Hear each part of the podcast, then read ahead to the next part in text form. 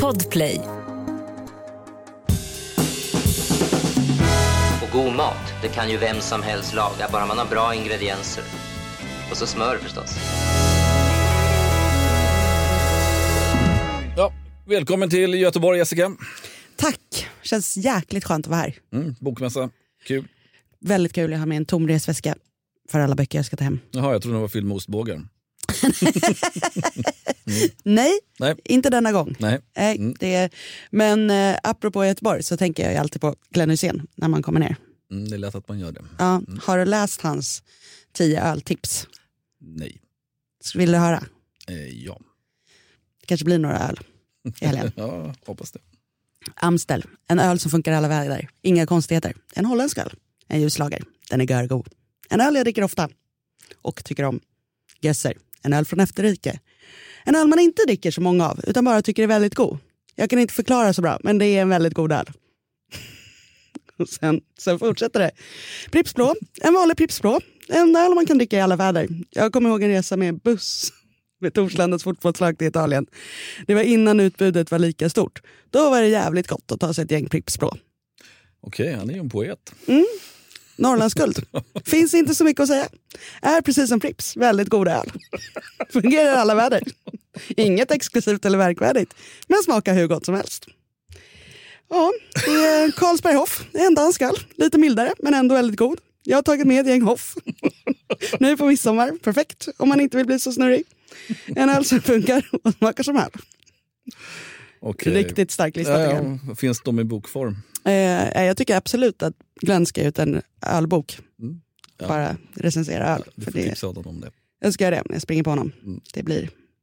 Annars gör jag det själv. Ja, men det är bra. Ja. Ska vi starta idag? Vi lyssnar av telefonsvararen. Hej. Um, kan man rädda något som är översaltat? Och koncist. ja. Ja, eh, det enkla svaret är ju ja och nej. Okej. Eller det svåra svaret. Alltså det beror lite på vad det är. Om det är sås, gryta eller liksom något i den stilen Mm. så kan man det. Alltså en bearnaisesås till exempel kan du inte rädda för den kan du inte koka längre.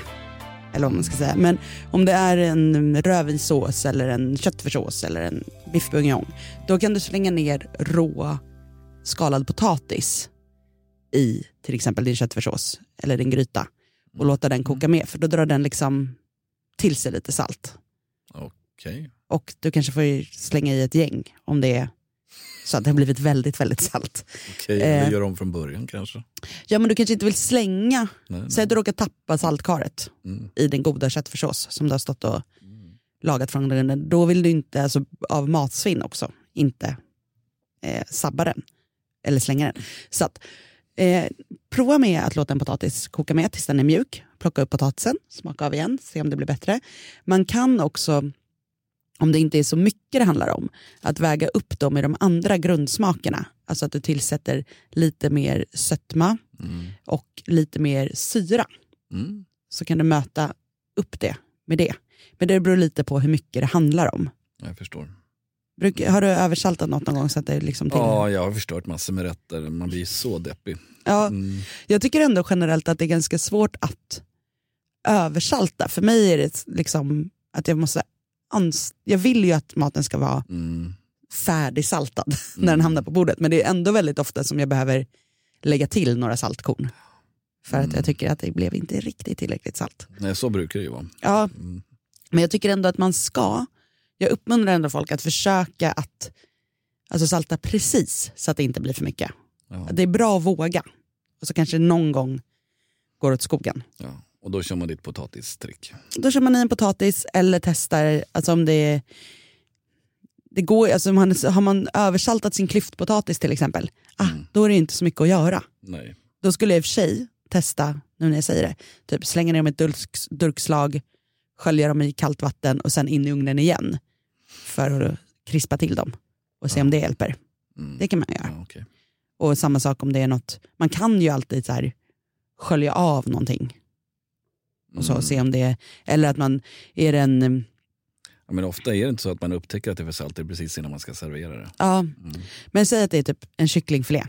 Mm. Då kan köken koka upp en kastrull vatten, lägga ner den, koka en minut. Försöka dra ur lite salt, sen steka på den igen. Okej. Okej. Det går ofta att lösa saker. Mm. Eh, men annars så får man ju spä. Mm. Alltså att du tillsätter, tillsätter mer av allt. Ja. ja, jag förstår. Det blir större och större gryta. Ja, ja. precis. Mm. Eh, det är ju alltid ett, ett säkert kort. Apropå salt Mm. så kommer jag att tänka på ett väldigt härligt recept som jag skulle vilja dela med mig av nu i hösten. Mm. Som är bra att ha i helgen. En salt kolasås Mm. som jag gör själv. Och till den så tänker jag att man ska ha något som jag snott av eh, Mattias Dahlgren. Eh, som jag läste en av hans kokböcker. Och eh, det är ju böcker man bör köpa, de är ju inte tråkiga. Nej. Men han tipsade att man kunde frysa äpple. Alltså man tar bara äpple, äpple rakt från fruktdisken eller äppelträdet och lägger i frysen hela äpplet. Över natten så att det blir stenhårt. Mm. Och sen så river du det på rivjärn. Då får du ha på dig en handske eller liksom en grytvant eller något för annars så fryser ja. handen av dig. Mm. Men du river det fryst och sen så tar du en kula vaniljglass och sen den här salta kolasåsen och häller på. Och det här frysta äpplet det blir nästan som en sorbet. Jättegott. Och det kan man göra om man då också har äpplen som är på väg att bli lite så här skrynkliga och trista. Alltså innan de blir det, släng in dem i frysen. För då har du ju ett riktigt bra ess i rockärmen att ta fram när du behöver göra en snabb dessert. Mm. Och den här eh, kolasåsen, den gör man väldigt enkelt. Man tar vispgrädde, smör, socker, ljus sirap och flingsalt. Exakta mängder och så hamnar på Recept Direkts Instagramkonto. Sen så lägger du det i en tjockbottnad kastrull. Vissa frågar sig kanske varför måste det vara tjockbottnad och det är för att det är lättare att reglera temperaturer med kastruller som har lite tyngd Ja. i sig. Ner där och så låter man det koka upp och sen sjuda försiktigt i 15 minuter. Och sen är det bara låta den svalna till rumstemperatur och sen servera. Man kan ju låta den vara lite varm också när man serverar den. Vill man preppa så gör det, Mm. ställ i kylen. Så kan man värma lite innan servering. Låter helt underbart. Det är Mm. jättetrevlig efterrätt och Mm. också kräver ju inte jättemycket av kocken. Utan Nej. du gör din lilla kolasås, köper en riktigt god vaniljglass Mm. och sen där. Och när du köper en sån här lite finare vaniljglass, då är det viktigt att tänka på att den är ju stenhård Mm. ofta när den kommer från Ja, ja. frysen. Mm. Och då kan det vara bra att ta fram den typ när ni äter varmrätten. Ställ i kylen så att den får stå i kylen 20-30 minuter och temperera sig lite innan du ska servera den. Då blir den lagom mjuk. Mm. Min kompis Louise som också är nere med sin nya kokbok, hon eh, är ju glassoman, hon äter glass varje kväll. Hon orkar aldrig vänta. Så hon kör ju in den i mikron i så här 10 sekunder. Mm.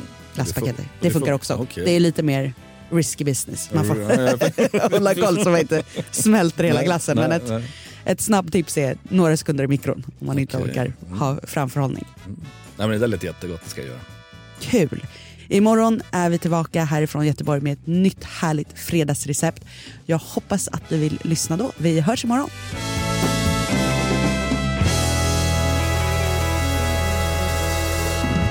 God mat, det kan ju vem som helst laga, bara man har bra ingredienser.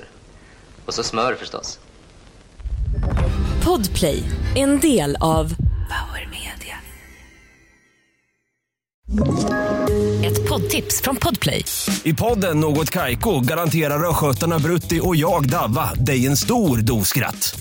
Där följer jag pladask för köttätandet igen. Man är lite som en jävla vampyr. Man har fått lite blodsmak och då måste man ha mer. Udda spaningar, fängslande anekdoter och en och annan arg rant.